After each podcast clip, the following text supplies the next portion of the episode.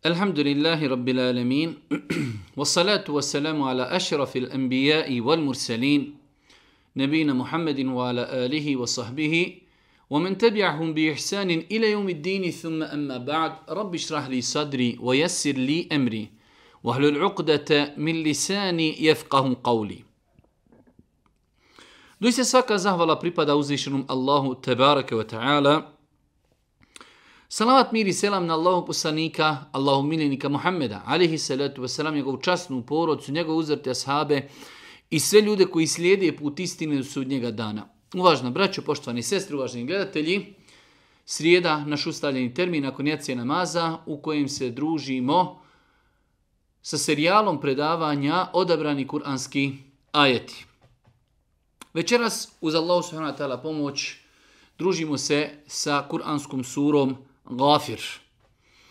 Sura Gafir je 40. sura u Kur'anu, onako kako su sure poredane danas u Mushafu.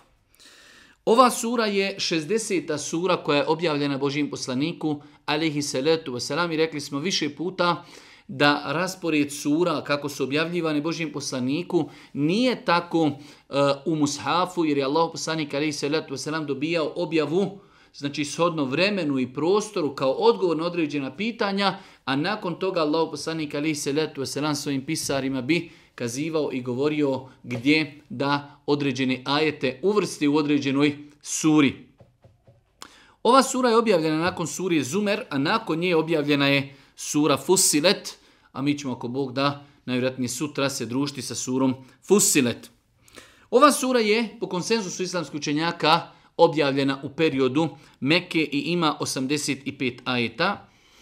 Sama činjenica da je objavljena u Mekki, kao što smo to dosta spomenuli desetine puta, sigurno će biti prepuna govora o uzvišenom Allahu subhanahu wa ta'ala, o njegovoj jednoći, o njegovom pravu da se samo njemu robuje. Biće mnogo govora o proživljenju, o sudnjem danu. Biće mnogo znači govora koji odgaja čovjeka da vjeruje u proživljenje u sudnji dan, mnogo dokaza koji potvrđuju postojanje uzvišenog Allaha subhanahu wa ta'ala.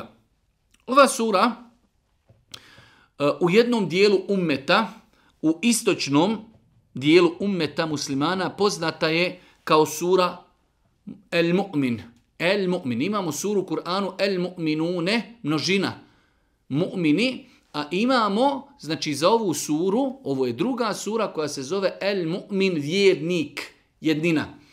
A opet u zapadnom dijelu islamskog ummeta ova sura je poznata pod imenom e, Gafir. E, oba ta imena imaju, hajde kažemo, svoju, svoju osnovu. E, El Mu'min, zato što ova sura govori o jednoj osobi e, za vrijeme faraona, koja je iz njegove rodbine bila vjernik, ali je prikrivala svoje vjerovanje i znači u ovoj suri je taj vjernik bez njegovog imena spomenut i njegov govor koji je on kazao svome narodu, pa se zbog toga sura zove El Mu'min, a opet sura El sura Gafir, zato što uzvišnji Allah s.w.t. odmah na početku suri spominje da je Gafiru zemb, onaj koji oprašta, onaj koji oprašta grijehe. Ova sura, kada bi mogli reći e, o, općenito, ona govori o neprestanoj borbi istine i neistini. Govori o vjerovanju i nevjerovanju. Govori o pozivu poslanika njihovim narodima i to kako su njihovi narodi njih utjerivali u laž. Generalno rekli smo da su to sve teme koje tretiraju sure koje su objavljene u Mekki.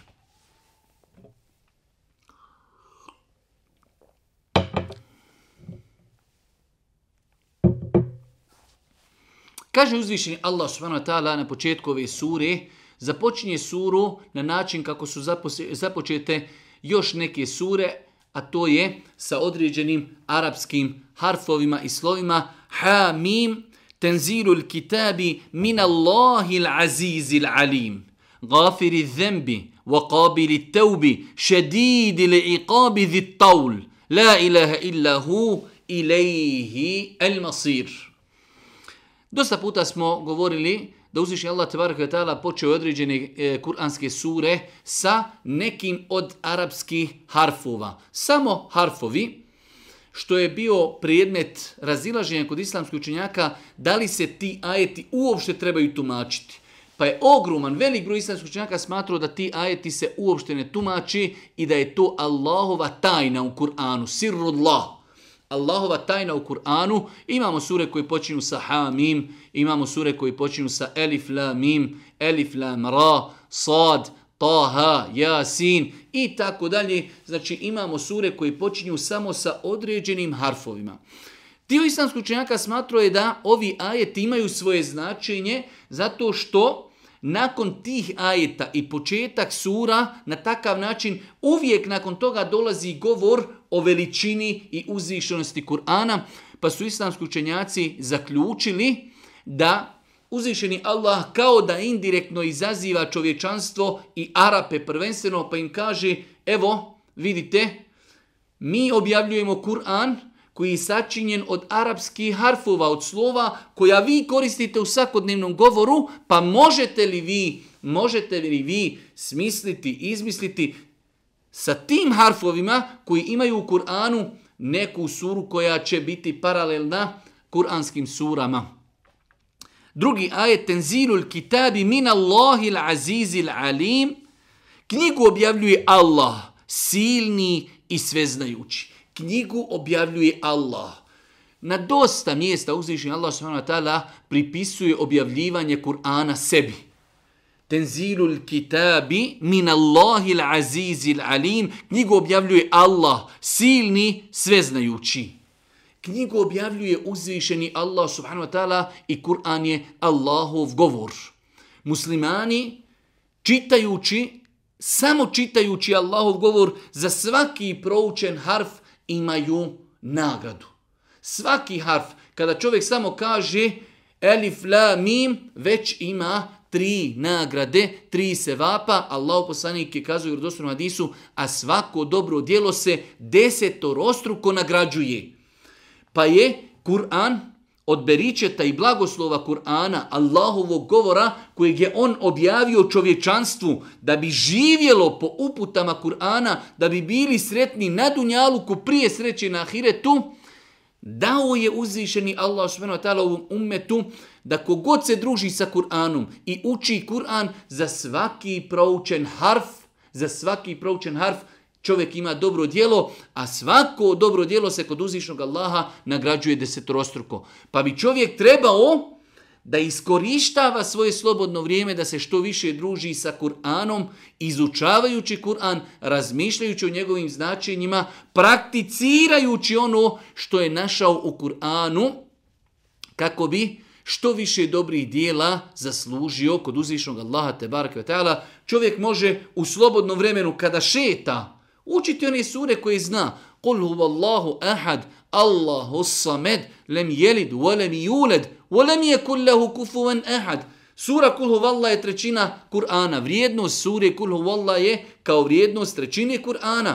Pa dok čovjek vozi auto, dok je u liftu, dok pješači, dok hoda, može iskoristiti vrijeme da spominje Allaha, da zikri veliča i da uči i da uči Kur'an. Pa kaže uzvišeni Allah, Tenzilul kitabi min Allahi l'azizi l'alim. Knjigu objavljuje Allah, silni i sveznajući. Gafiri zembi qabili teubi. Šedidi li qabidi taul. On je taj koji oprašta grijehe i prima pokajanje. Koji strahovito kažnjava i obilato nagrađuje. Allahu ekber. Mnogo puta smo govorili da uziši Allah s.w.t. ili u jednom ajetu ili u dva ajeta jedan za drugim govori o svome rahmetu, o svojoj milosti, a nakon toga govori o svojoj žestini. Pa kaže uzvišeni Allah, gafiru zemb. Allah je onaj koji prašta grijehe. Ne može grijehe niko oprostiti, osim uzvišeni Allah. Ne može grijehe niko oprostiti, osim uzvišeni Allah. Allahova milost prema ovom umetu jeste što im je dao mogućnost da kada urade grijeh, da se iskreno vrati Allahu, pokaju se za ono što su uradili, da odluče čvrsto da se više neće vratiti i uzvišeni Allah im prašta te grijehe. Allahu ekber. Zato u Kur'anu se opisuje gafiri zemb. On je taj koji oprašta grijehe. Waqabili teub. On je taj koji prima pokajanja. On briše grijehe, oprašta grijehe. On je taj koji prima pokajanja svojih robova. Gafiri zembi, waqabili teubi, šedidil iqab. Ali u svemu tome, iako oprašta grijehe, iako prima teubu, šedidil iqab, on žestoko kažnjava. On žestoko kažnjava zit tauli i obila to nagrađuje. I obila to daje. Obila to, obila to nagrađuje svoje robove. Pa vidite, Allah Žešanu oprašta, prima pokajanje svojih robova, žestoko kažnjava. Kako insan kada čuje ova prva dva opisa, oprašta grijehe, prima pokajanje, kako se ne bi insan opustio, kako ne bi sam sebi rekao, pa dobro, Allah je milostiv, Allah prima pokajanja, mogu rati grijehe. Ne, šedidul iqab, Allah žestoko kažnjava. A opet kaže zitaul, Allah mnogo, mnogo daje i mnogo nagrađuje svoje robove. La ilahe illa hu. Drugog Boga osim njega nema, njemu se sve vraća wa ilaihi masir. Nema Boga osim Allaha. Rekli smo na samo koliko mjesta u Kur'anu imamo ovu frazu La ilaha illa Allah. Nema Boga osim Allaha. O čovječanstvo, o ljudi, La ilaha illa Allah. Nema Boga osim Allaha. Sve što ljudi zovu božanstvom i Bogom mimo Allaha je laž. Veliko pravilo. Sve što ljudi zovu Bogom i sve što ljudi obožavaju mimo Allaha je batil, neispravno. La ilaha illa hu. Nema Boga koji zaslužuje da mu se robuje i da mu se ibadeti čine osim Allah. Ova negacija, neko bi mogao kazati, la ilaha illallah, nema Boga osim Allah. Kako nema Boga, a na Dunjaluku toliko ima religija i toliko božanstava? Pa je ispravno razumijevanje riječi la ilaha illallah, nema Boga koji zbog svoje veličine i svoga rububijeta, i svoga uluhijeta i svojih svojstava i imena zaslužuje da mu se robuje i ibade čini osim uzvišeni Allah subhanahu wa ta'ala. Vratimo se ovdje samo ovim e, riječima gafiri zemb, Allah oprašta grijehe, qabiri teub, Allah prima pokajanje svojih robova. Braćo, moja dragi cini sestre, nemoj da dozvolimo, nemoj da dozvolimo da nam prođe dan, prođe mjesec, prođe godina, prolazi život, da se nismo vratili Allahu. Nerijetko se dešava da šeitan ljudima priđe pa kaže ti si radio svašta, ti se ne možeš pokajati, tebe ljudi znaju po negativnim osobinama i to bude razlog da čovjek se ne pokaji i vrati Allahu. Allah je kabili taub, Allah je taj koji prima pokajanja svojih robova. Zato, braću, madraga i cijeni sestre, ovo je jedno veliko kuransko pravilo. Gafiri zemb, Allah prašta grijehe. وَقَابِلِ teub, Allah prima pokajanja, iskoristiti životnu priliku. Nemojte dozvoliti da šetan vam kaže pokajaćeš se sutra, pokajaćeš se za godinu, pokajaćeš se kad ostariš, pokajaćeš se kad odeš nahađi i tako dalje. Ne. Allah prima teubu, a mi ne znamo dokada ćemo živjeti. Pa treba požuriti sa teubom, bez obzira kakve grijehe insan radio, Allah Đelešanu je taj koji prima pokajanja. Inna Allahe yuhibbu tewabin. Allah voli one koji se kaju.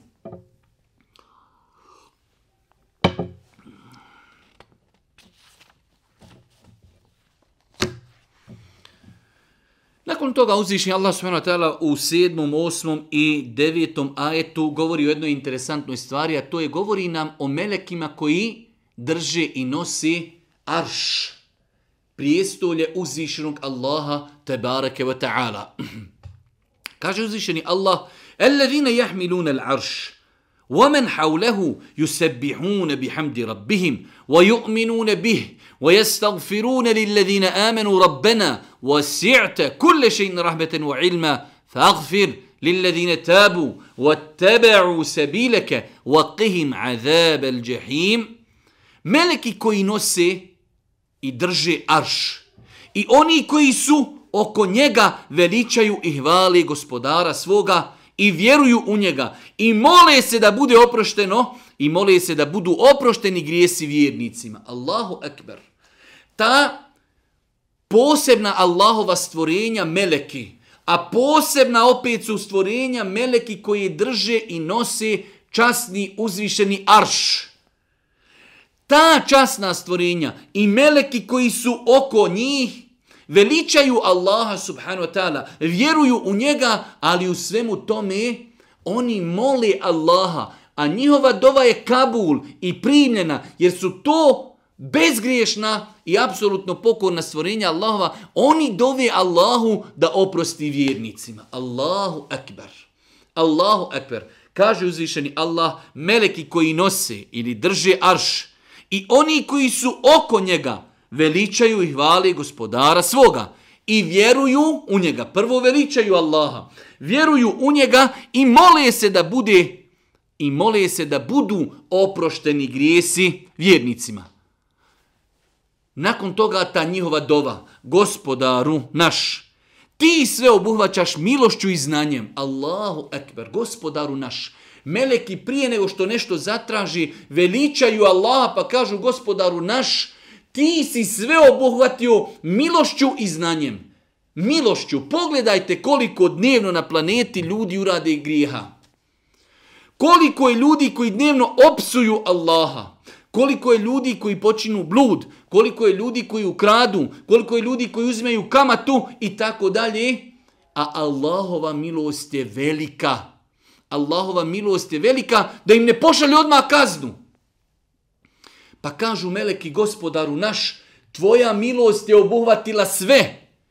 I tvoje znanje je obuhvatilo sve. Allahu ekber. Allahovo znanje je apsolutno.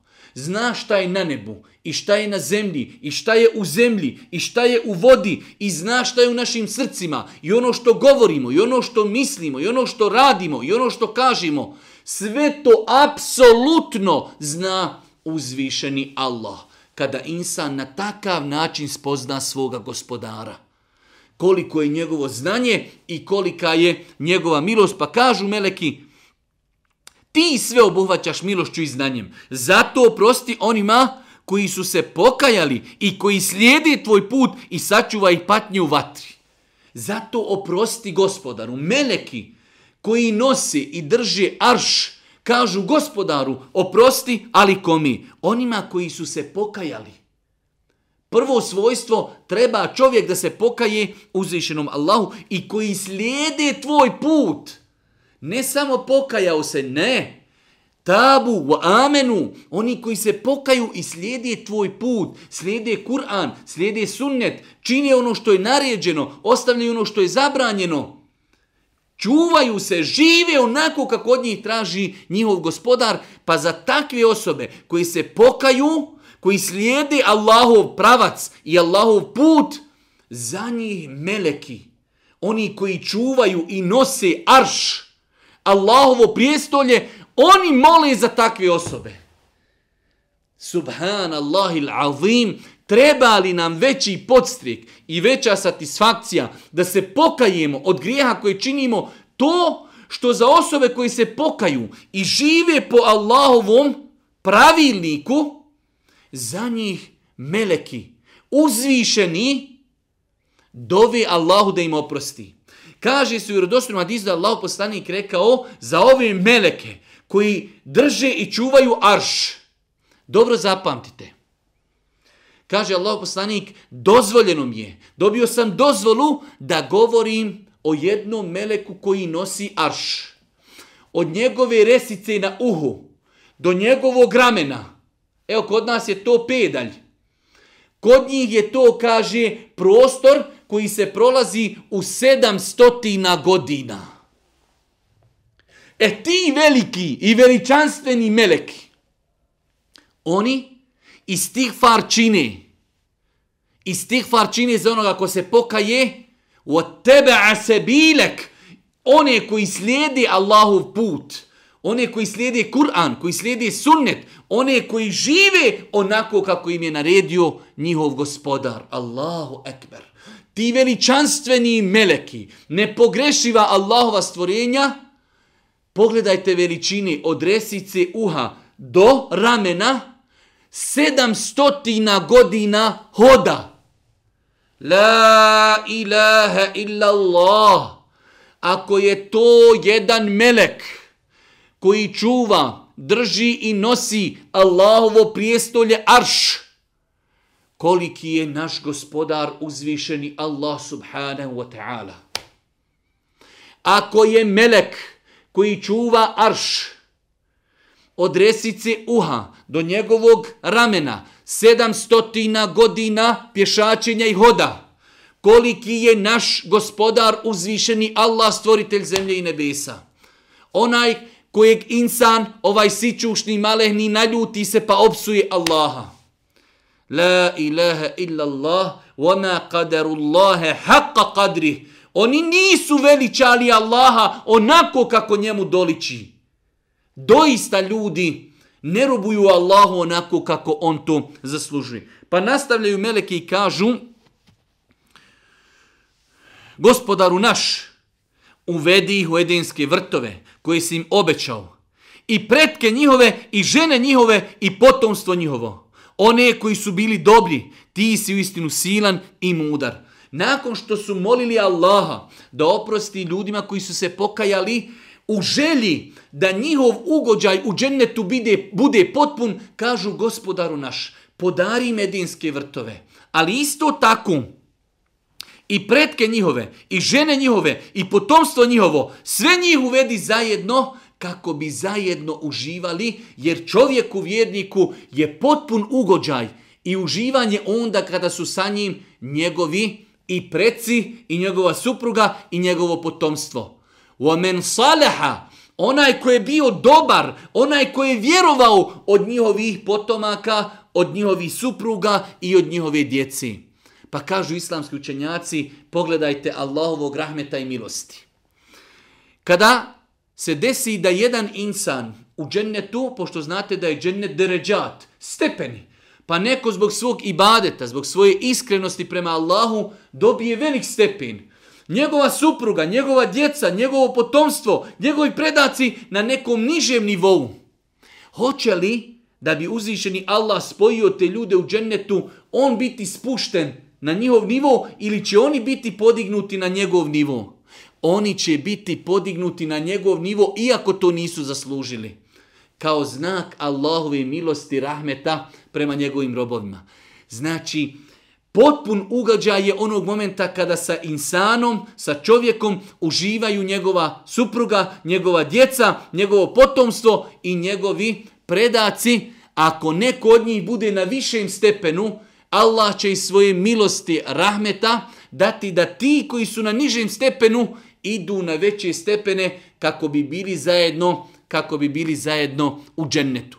Pa dove meleki uzvišenom Allahu i kažu ربنا وادخلهم جنات عدن التي وعدتهم ومن صلح من آبائهم وازواجهم وذرياتهم انك انت العزيز الحكيم Gospodaru naš, uvedi ih u edenske vrtove koje si im obećao. Njih, i pretke njihove, i žene njihove, i potomstvo njihovo. One koji su bili dobri, one koji su vjerovali, ti si u istinu silan i ti si mudar. I na kraju, dova meleka kažu meleki, وَقِهِمُ سَيِّئَاتِ وَمَنْ تَقِ سَيِّئَاتِ يَوْمَ إِذٍ فَقَدْ رَحِمْتَهِ وَذَلِكَ هُوَ الْفَوْزُ الْعَظِيمِ i poštedi kazni zbog ružnih dijela, jer koga ti toga dana poštediš kazni zbog ružnih dijela, ti si mu se smilovao, a to će zaista veliki uspjeh biti. Moli Allah Đelešanu da vjernike koji se pokajali, koji žive po Kur'anu i sunnetu, da ih uvede u džennet i njih, i njihovu djecu, i njihove potomke, njihove supruge i da ih sačuva kazni zbog dijela loših koja su uradili. Pa ovo svima nama treba da bude satisfakcija, da se trudimo, da potpadnemo, da potpadnemo pod ovu dovu ovih veličanstvenih Allahovih stvorenja, njegovih robova, meleki koji nosi arš, rekli smo kolika je njihova veličina.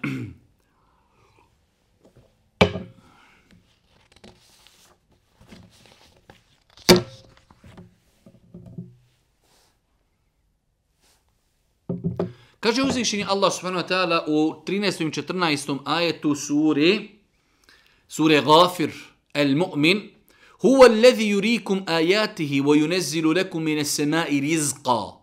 وما يتذكر إلا من ينيب فادعوا الله مخلصين له الدين ولو كره الكافرون kaže uzvišeni Allah on vam pokazuje znamenja svoja uzvišeni Allah vam pokazuje znamenja Hoćete li vi da vjerujete ili nećete, to je vaše, ali vam uzvišeni Allah pokazuje znamenja. Znamenja njegovi, njegova su i sunce, i mjesec, i zemlja, i mi sami. fi anfusikum efela tubesirun. I u vama samima su Allahovi dokazi. Hoćete li, hoćete li vjerovati, hoćete li se opametiti? Pa kaže uzvišeni Allah, on vam pokazuje znamenja svoja ispušta vam obskrbu s neba. Uzvišeni Allah spušta kišu s neba, a u tome je nama rizk i na faka, jer poslije kiše oživljava zemlja, niče bilje i znači svemu i bilju i voću i povrću, svemu je potrebna, svemu je potrebna kiša. Kaže uzvišeni Allah, a pouku će prihvatiti samo onaj ko se njemu vraća. Zato se klanjajte i robujte Allahu, Allahu iskreno mu ispovjedajući vjeru, pa makar to nevjernicima bilo mrsko. Kaže uzvišeni Allah, fed'u Allahe, dovite, robujte Allahu muhlisine lehu din, iskrenomu, rob, iskrenomu vjeru ispovjedajući walau kerihel, walau kerihel kafirun, makar to ne bilo pravo nevjernicima. Robuj Allahu, makar to bilo i ne bilo pravo nevjernicima, e, insan nerijetko vidi, e, sam sebe uhvati, pa šta će reći ovaj, pa šta će kazati onaj, pa kako će ovaj reagirat, kako će onaj reagirat, šta će mi reći onaj, šta će mi reći onaj. Walau kerihel kafirun. Vi robujte Allahu, iskreno mu robujte i iskreno mu vjeru ispovjedajte, makar to nekome ne bilo pravo. Ne interesuje nas. Ovo je jedan život. Ne smijemo se sa njim poigravati. To je jedna šansa da robujemo Allahu i da time zaslužimo vječno uživanje u džennetu i da se sačuvamo vječni patnji u džehennemu. Nakon toga, 21. i 22. ajet u suri Gafir el Mu'min, ajeti koje mi dosta puta citiramo u svojim predavanjima kada govorimo o posljedicama grijeha. Pa kaže uzvišeni Allah, evolem jesiru fil ard. Zašto oni ne putuju po svijetu, po zemlji, pa da vide kako su završili oni prije njih? Bili su od njih moćni i više spomenika su na zemlji ostavili. Ali ih je Allah zbog grijeha njihovih kaznio i niko ih od Allahove kazni nije od, odbranio.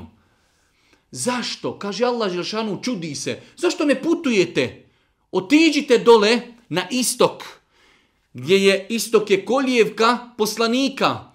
Pa vidite one stare nastambe, vidite ljude živjeli u planinama, isklesane, znači pećine ljudi živjeli, danas nema nikoga.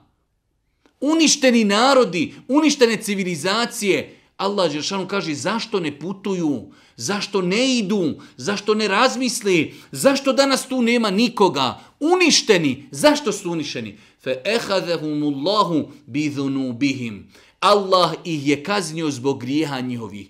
Iako su, kaže, bili jači. Imate i danas ljude, države, imperije, misle da su neuzubillahi božanstvo na zemlji. Kaže uzvišeni Allah, zašto oni ne gledaju oni prije njih? Bili su oni jači od njih.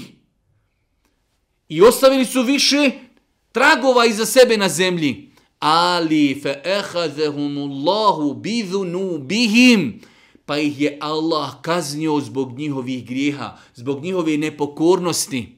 Braćo moja draga i cijene sestre, ovo je veliko kuransko pravilo, ovo je veliki ders, ovo je velika uh, oporuka, veliko upozorenje. Uzvišeni Allah uništavao je ljude prije nas zbog grijeha i nekada zbog jednog grijeha koji bi se proširio i javno počeo činiti u jednom društvu, uzvišeni Allah bi uništavao narode zbog toga. A pogledajte koliko je danas grijeha u našem društvu. Pa je znači jedan od negativnih plodova grijeha jeste i to uništavanje prijašnjih naroda. Pa uzvišeni Allah se pita zašto ljudi ne putuju po zemlji pa da vide kako su uništeni oni prije njih, a bili su jaki i jači od njih i ostali su mnogo više nastambi i razno raznih nekih drugih stvari na zemlji, ali to ništa ih nije sačuvalo da Allahovi subhanu wa ta'ala subhanu wa ta'ala kazni zbog grijeha koji su činili. Kaže uzvišeni Allah, Allah je kaznio zato što su poricali jasne dokaze. Zalike bi enahum kane te'tihim rusulum bil bejinati fe keferu fe ehazahum Allah innehu kavijun šedidul iqab. Allah je kaznio zato što su poricali jasne dokaze koje su im poslanici njovi donosili. On je zaista moćan, on strahovito kažnjava. Dolazili su im, kaže poslanici, sa jasnim dokazima, oni su to poricali, nisu vjerovali, bili su nevjernici. Fe ehazahum pa ih je Allah kaznio, Allah ih je, Allah ih je uništio zbog njihove nepokornosti i zbog grijeha koje su činili.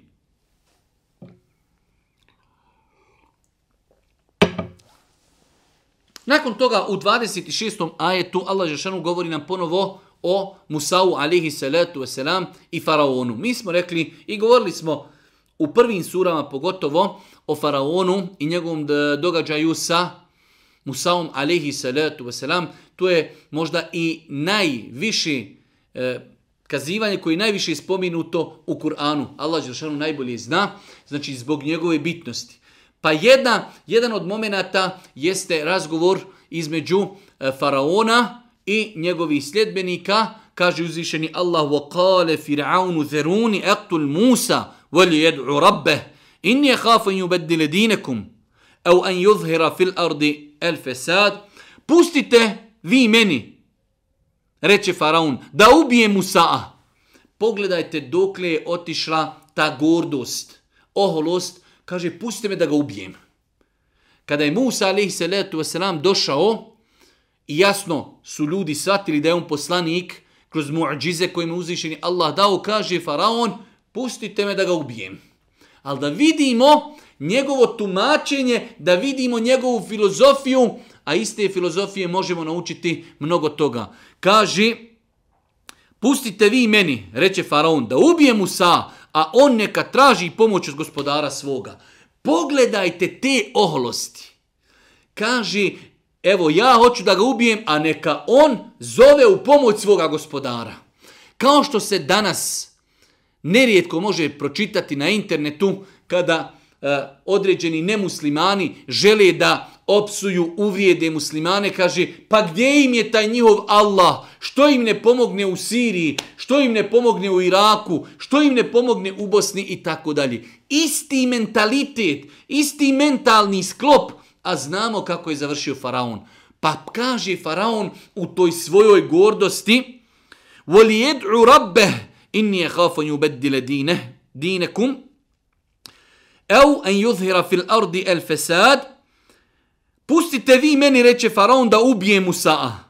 A on neka traži pomoć od gospodara svoga, jer se bojim da vam on vjeru vašu ne izmijeni ili da u zemlji nered ne izazove. Allahu ekber. Faraon koji je sebe proglasio Bogom.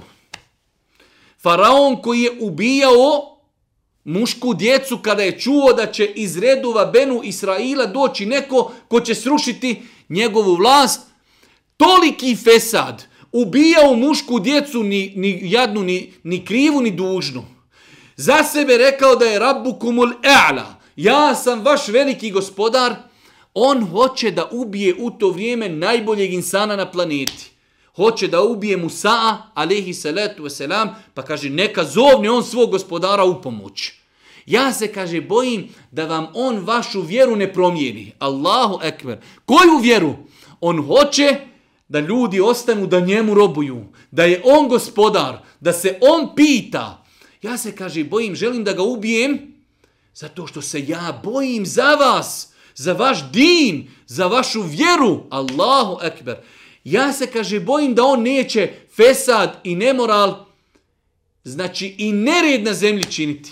On ubija mušku djecu bez ikakvog grijeha, boji se kao fora da će Musa alaih salatu wasalam nered na zemlji činiti. Danas imate isto tako, istu takvu filozofiju.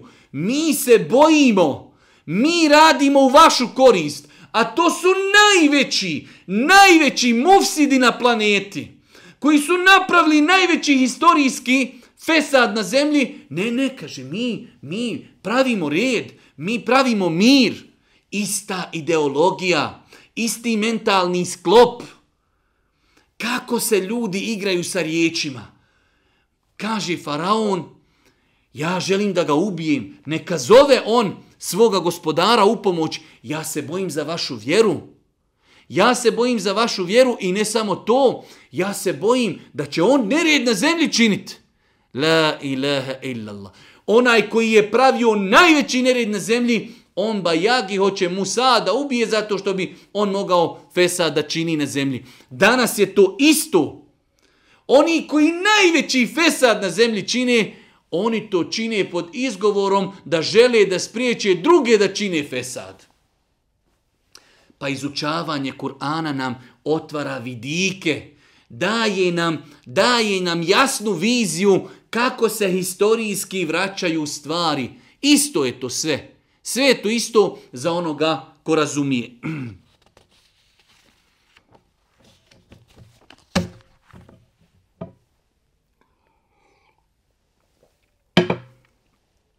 Nakon toga kaže Musa alaih se letu wasalam, kada je čuo za te riječi da faraon želi da ga ubije, ipak je to velika prijetnja, kaže Musa alaihi salatu wasalam, Molim gospodara svoga i gospodara vašeg da me zaštiti od svakog oholog koji ne vjeruje u dan u kojem će se računi polagati.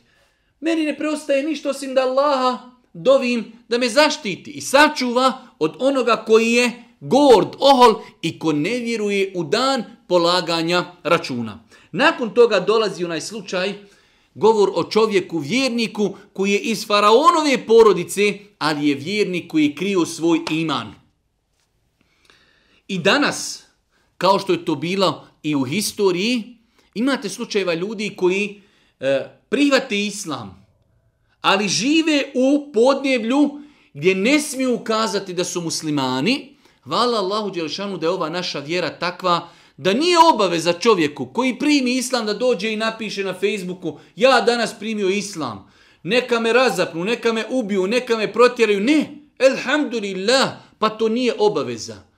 Bitno je da čovjek između njega i Allaha povjeruje, da kaže la ilaha illallah. Ja vjerujem da nema drugog Boga osim Allaha, da prihvati islam i da živi po islamu, a ne mora obznaniti drugim ljudima da je primio islam. Ne mora obznaniti drugim ljudima da je primio islam. Svakako da to nekada u budućnosti treba iz razloga da bi jednostavno se na njega odnosili propisi islama ako sutra se desi da umre, da se može okupati, da se može mu klanjati dženaza, da se ukopa zajedno sa muslimanima i tako dalje.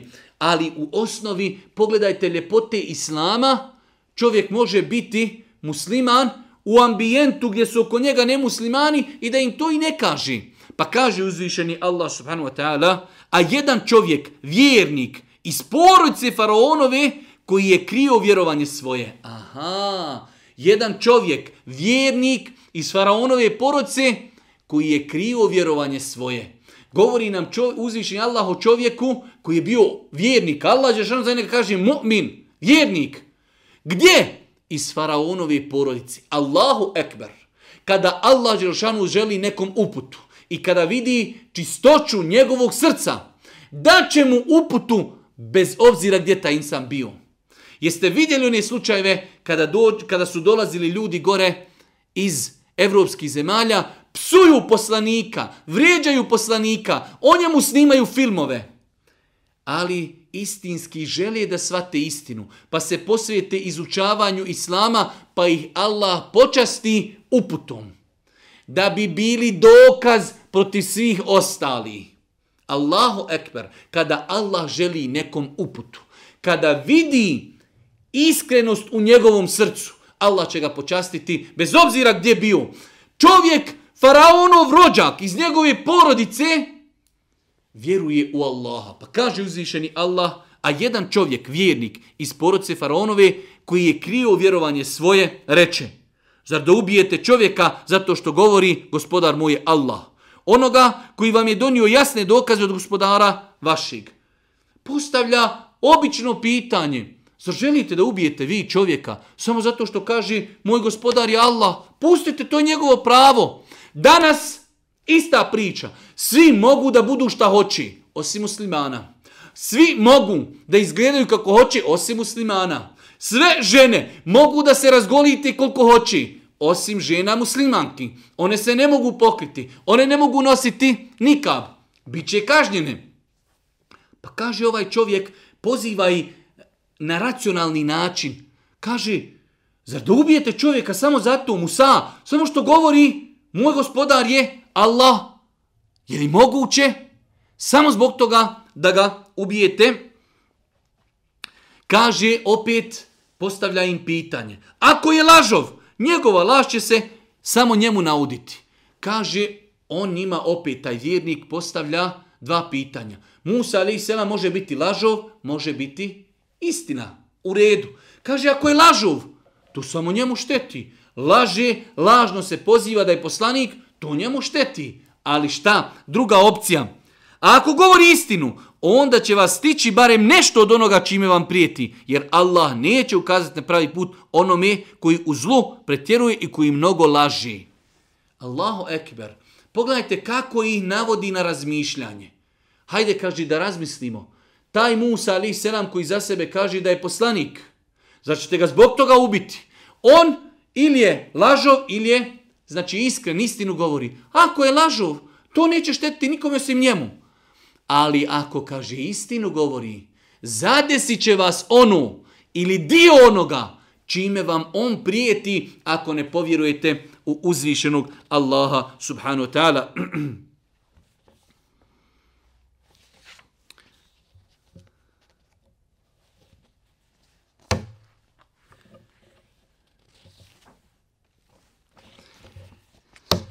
nakon što je spomenuo više savjeta, više pitanja ovog mu'mina, vjernika iz faraonove porodce, uzviše Allah subhanahu wa u 44. ajetu, e, petom i šestom kaže فَسَتَذْكُرُونَ مَا أَقُولُ لَكُمْ وَأُفَوِّدُ أَمْرِ إِلَى اللَّهِ إِنَّ اللَّهَ بَصِيرٌ بِالْعِبَادِ Tada ćete sigurno mojih riječi se sjetiti a ja Allahu prepuštam svoj slučaj.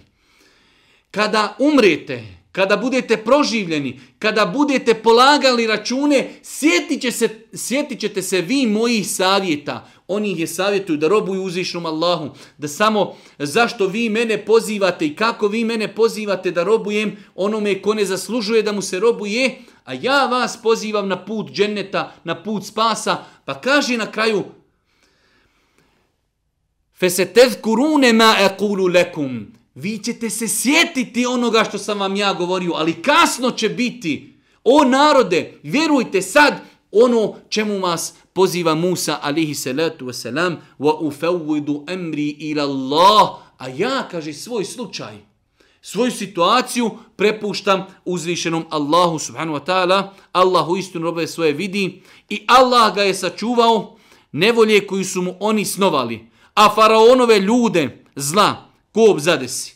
Allah Jeršanu je ovoga čovjeka sačuvao, iako je jasno i glasno otišao i stao, pozvao ih da vjeruju samo uzvišnog Allaha subhanahu i da se pokori Musau alaihi salatu wasalam, a faraonove ljude zla ko zadesi, znamo kako je završio faraon, kako je završila njegova svita, njegova vojska. Krenuli su da slijede i da spriječi Musa, ali uzviše Allah subhanahu wa ta'ala sačuvao je svoga roba i one koji su vjerovali sa njim na način da je Musa ali salatu wasalam prošao kroz more koji je raspuklo onda kada je Musa ali salatu wasalam udario svojim štapom pa kada su prošli na drugu stranu more se je spojilo i na taj način je okončao jedan od najvećih taguta, jedan od najvećih tirana, jedan od najvećih nasilnika historije čovječanstva, pa je uzvišeni Allah na taj način pokazao kako završavaju nasilnici na Dunjalku prije kazne, prije kazne na Ahiretu. pa kaže uzvišeni Allah i Allah ga je sačuvao nevolje koju su mu oni snovali, a faraonove ljude zla kov zadesi. Oni će se ujutro i naveće u vatri pržiti, a kada nastupi sudnji dan, bit će rečeno uvedite faraonove ljude u patnju najtežu. Islamski učenjaci kažu da je ovaj ajet jedan od dokaza postojanja kaburske patnji. Mnogo je hadisa u kojima Allah poslani govorio o kaburu i kaburskoj patnji. Znači mi muslimani vjerujemo da imamo dunjalički život, da imamo berzeh, da imamo znači život u kaburu, nakon toga dolazi proživljenje. Po islamskom vjerovanju, po hadisma Allah poslanika ali se letu selam, čovjek će period boravka u kaburu ili provesti u jednoj velikoj džennetskoj bašti ili će provesti u jednoj velikoj džehennemskoj provaliji. Pa kaže uzvišeni Allah subhanahu wa ta'ala ovdje, oni će, faraoni njegova svita, jutrom i naveći u vatri prženi biti. Gdje? U kaburu. A kaže, kada nastupi čas, sudnji dan, bit će rečeno, uvedite faraonove ljude u patnju najtežu. Prvo nam govori uzvišnji Allah o njihovom kažnjavanju u kaburu, a nakon toga kaže kada nastupi sudnji dan, bit će rečeno uvedite faraonove ljude, uvedite faraonove ljude u patnju najtežu. Pa nam znači ovaj ajet potvrđuje i on je dokaz po velikom e, mišljenju velikog broja islamskog učenjaka postojanja kabura, kabura i kaburskog života, iako i da nije ovaj ajet mi znači na osnovu vjerodostojnih hadisa Allahu poslanika alejhi salatu vesselam jer je njegov govor objava wa ma yantiqu anil hawa on ne govori po hiru svome već je to objava koja mu se objavljuje. Allahu poslanik alejhi salatu vesselam izrekao je desetine hadisa koji govori o kaburu kaburskoj patnji i kaburskom uživanju.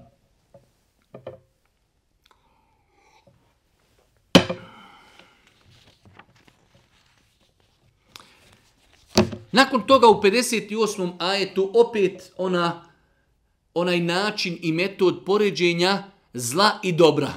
Pa kaže uzvišeni Allah subhanahu wa ta'ala وَمَا يَسْتَوِ الْأَعْمَ وَالْبَصِيرِ وَلَا الَّذِينَ آمَنُوا وَعَمِلُوا الصَّالِحَاتِ وَلَا الْمُسِيءِ قَلِيلًا مَا تَذَكَّرُونَ Nisu isto slijepac i onaj koji vidi. Nisu isto vjernici koji dobra djela čine i zlotvori. Oni koji griješi. Kako vas malo prima pouku? Uzvišeni Allah poziva ljude na razmišljanje. Nije, kaže, isti insan koji slijep, insan koji vidi. Slijep pred dokazima uzvišenog Allaha i onaj koji vidi dokaze uzvišenog Allaha. Ama nisu isti, niti su isti. Oni koji su pokorni, radi, čine, pokoravaju se, ono što je naređeno čini, ono što je zabranjeno ostavljaju, nisu isti. Ali je, kaže, malo vas koji pouku uzimate.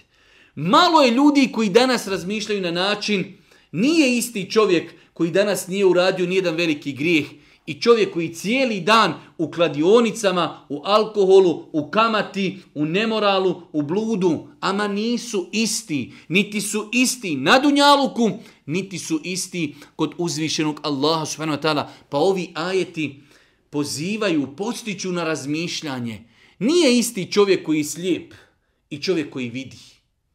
Nije isti čovjek koji svojim očima vidi Allahove dokaze i u njih vjeruje i čovjek koji pored njih prolazi, ne osvrće se, ne vidi ih, ne primjećuje, niti mu oni šta pokazuju.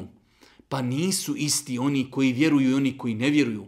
Nisu isti pokorni i nepokorni. Nemoguće. Nisu isti ni na Dunjaluku, niti su isti na Ahiretu.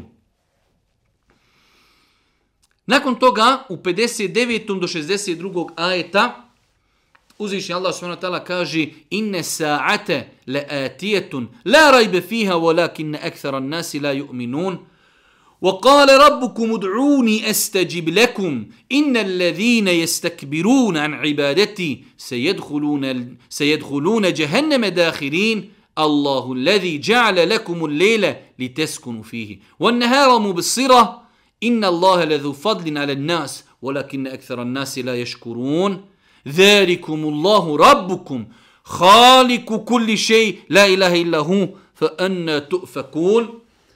Četiri ajeta koja doista kada bi željeli da ih prokomentarišemo, trebalo bi nam možda i ne samo jedno predavanje i više od toga. Kaže uzvišeni Allah, doći će čas oživljenja, sudnji dan, u to nema nikakve sumnje, ali većina ljudi neće da vjeruje.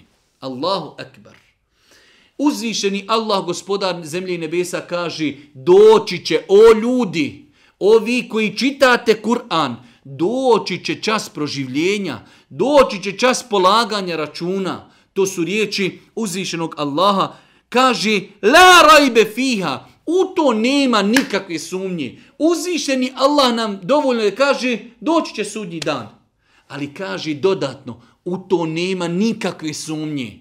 Ali većina ljudi neće da vjeruje. Pa mi muslimani vjerujemo i to je sastavni dio našeg imana. Da čovjek vjeruje živimo, umiremo. Kaburski život, berzah, nakon toga proživljenje, puhanje u rog, polaganje računa, džennet ili džehennem. Vječno u džennet, uživanje, vječno u džehennem, patnja. Kaže uzvišeni Allah nakon toga, gospodar vaš je rekao, pozovite me, dovite mi, zamolite me, ja ću vam se odazvati. Allahu akbar. Kale rabbukum ud'uni estajib lekum. Allahu ekber. Ajet koji, koji čovjeka muslimana čini optimističnim.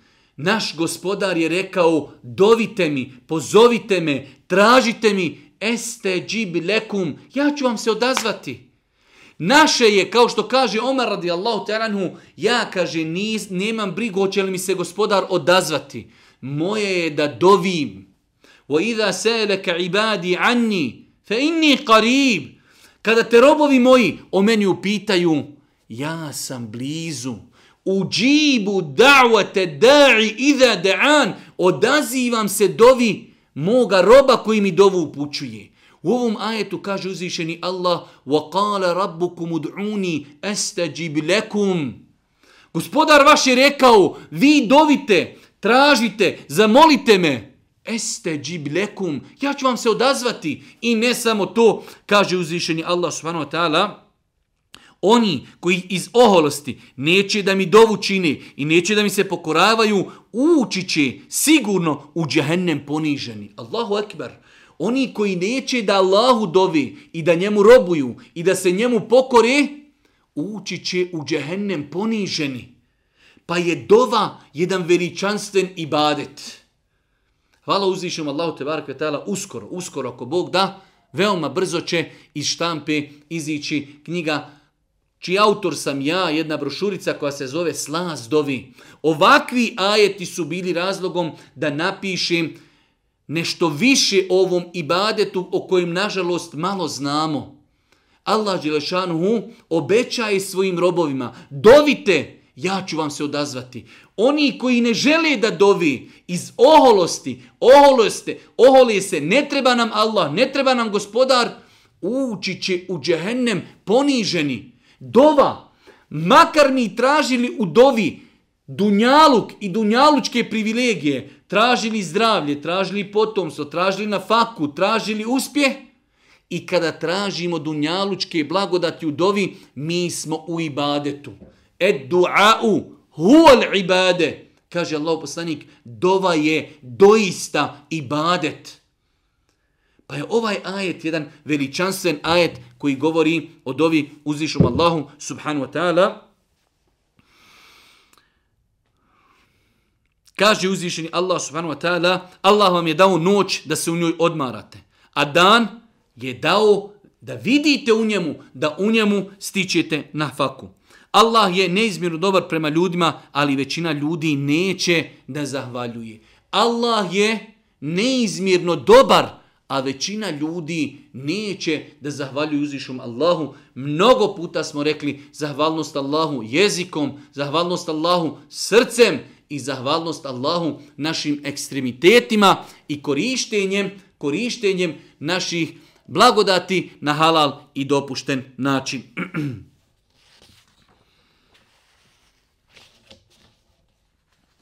Posljednja dva ajeta iz sure Gafir el Mu'min 78. ajet kaže uzvišeni Allah i prije tebe smo poslanike slali. O nekima od njih smo ti kazivali, a o nekima ti nismo kazivali. I nijedan poslanik nije mogao učiniti nikako čudo bez Allahove volje. A kada se Allahova prijetnja ispuni, bit će presuđeno po pravdi i tada će nevaljali nastradati. Ovdje sam ciljano odabrao ovaj ajet u kojem uzvišeni Allah Želšanu kaže وَمَا كَانَ لِرَسُولٍ أَنْ يَأْتِيَ بِآيَةٍ إِلَّا بِإِذْنِ اللَّهِ Nijedan poslanik nije mogao nikakvo čudo učiniti bez Allahove volje. Znači uzvišeni Allah je slao svoje poslanike da pozovu ljude Allahu. Ojačao je te poslanike nečim što mi zovemo mu'đize, nadnaravne stvari. Ali sve te nadnaravne stvari su samo uz Allahovu saglasnost i njegovu dozvolu. Pa Allah Đeršanu ovdje kaže poslaniku Muhammede, bilo je prije te poslanika. O nekima smo ti govorili, a njih je manjina.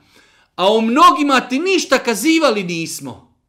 Pa kaže uzvišeni Allah subhanahu wa ta'ala i nijedan poslanik nije mogao učiniti nikakvo čudo bez Allahove volje. Ovdje imaju problem kršćani. Kada im se govori o Isau, oni kažu Isa alih se letu selam je mogao živjeti čovjeka. Nije mogao niti jedan poslanik donijeti niti kakvo čudo osim Allahovim dopuštenjem, Allahovom dozvolom. Pa to što Isa alih se letu selam mogao živjeti ili nekog mrtvog insana ili ga ozdraviti samo Allahovom dozvolom. Samo da bi to bio dokaz da je on poslanik. Nikako, nikako da on je pri sebi imao božanstva svojstva. Mi muslimani, alhamdulillah, vjerujemo da je Isa alaih wasalam jedan odabrani poslanik, jedan od pet odabranih poslanika kod uzvišnog Allah subhanahu wa ta'ala, ali ga to nije činilo da je imao ikakva božanska svojstva, već je bio odabrani Allah subhanahu wa ta'ala poslanik s aspekta bio je insan kao što smo i mi bili insani, imao je potrebu za hranom, za pićem, sve ono što i mi svi imamo potrebu. Pa je ovo jedan veliki ajet koji nam daje kuransku formulu da sva čuda i muđize i nadnaravne stvari s kojima su dolazili poslanici je samo uz dozvolu uzvišenog Allaha subhanahu wa ta'ala. I zadnji ajeti koji ćemo komentarisati i time završajemo večerašnje družnje. Ne, kaže uzmišljeni Allah subhanahu wa ta'ala, govoreći o momentu dolaska poslanika ljudima koji su negirali njihovo poslanstvo i smijavali se sa njima. Pa kaže, kada su im poslanici njihovi jasne dokaze donosili, oni su se znanjem koje su imali dičili i snašlo ih ono čemu su se stalno rugali. Dolaze poslanici, pozivaju ih Allahu, Oni se diče kao imamo mi znanje, mi imamo ono što smo naslijedili od svojih prijetodnika. Ovo je formula koja je ubila i u propast odvela veliki broj ljudi. Naši preci, šta su radili naši preci, mi i naši preci? Pa kaže, dičili su se svojim nekim znanjem, pa ih je stigla Allahova kazna. Jer Allah Žešan kada pošalje ljudima poslanika, njemu treba da vjeruju i njemu treba da se pokori. Pa kaže uzvišeni Allah, a kada bi kaznu našu doživjeli, onda bi govorili, mi vjerujemo Allaha, u njega jedinog, a odričemo se onih kojima smo njemu ravni smatrali, ali im vjerovanje njihovo, kada bi kaznu naši doživjeli, ne bi nimalo bilo od koristi prema Allahovom pravilu i zakonu koji vrijedi za sve robove njegove koji su bili i nestali i tada bi nevjernici stradali. Allah Đeršanu kaže tim ljudima, kada bi im došla kazna, oni bi tada rekli vjerujemo. Ostavljamo, odričemo se onih u koje smo vjerovali i kojima smo robovali prije toga. Ali kaže, neće im to tada koristiti. Ibn Kathir, rahmetullahi alehi i mnogi drugi mu fesiri, ovdje baš u ovom ajetu navode onaj hadis Božijeg poslanika, da Allah poslanik je rekao, inna Allahe yakvalu taubetel abdi ma lem yugargir. Allah prima pokajanje svoga roba sve dok mu duša ne dođe do grkljana. Kada duša počne izlaziti, čovjek vidi meleke, došli po dušu, kaže tada vjerujem, gotovo. Zato, braćo moja draga, pogledajte početak suri, teuba, pokajanje, na kraju Allah Đelšanu govori o tome kada se ne prima teuba i pokajanje. Kada ljudima dođe kazna od Allaha, kada ljudima dođe smrtna, smrtni čas, tada se više ne prima pokajanje. Pa insan treba da bude pametan, treba da bude mudar, da iskoristi životnu priliku. Ako nije musliman, da se pokaje, da se vrati Allahu. Ako je musliman, a u svom životu ima grijeha, da se na vrijeme pokaje prije nego što dođe duša do grkljana. Kada duša dođe do grkljana, završena stvar. Više se teuba i pokajanje ne primaju. Molim uzvišnog Allah subhanahu wa ta'ala da nas učesti na putu istine. Molim ga subhanahu wa ta'ala da nam bude milostiv na sudnjem danu. Molim ga subhanahu wa ta'ala da nas i naše potomke i naša i našu djecu i naše supruge da nas uvede u račun e, da nas uvede u džennet subhaneke Allahumma bihamdike ešhedu en la ilaha illa ente estagfiruke wa atubu ilaik. Oh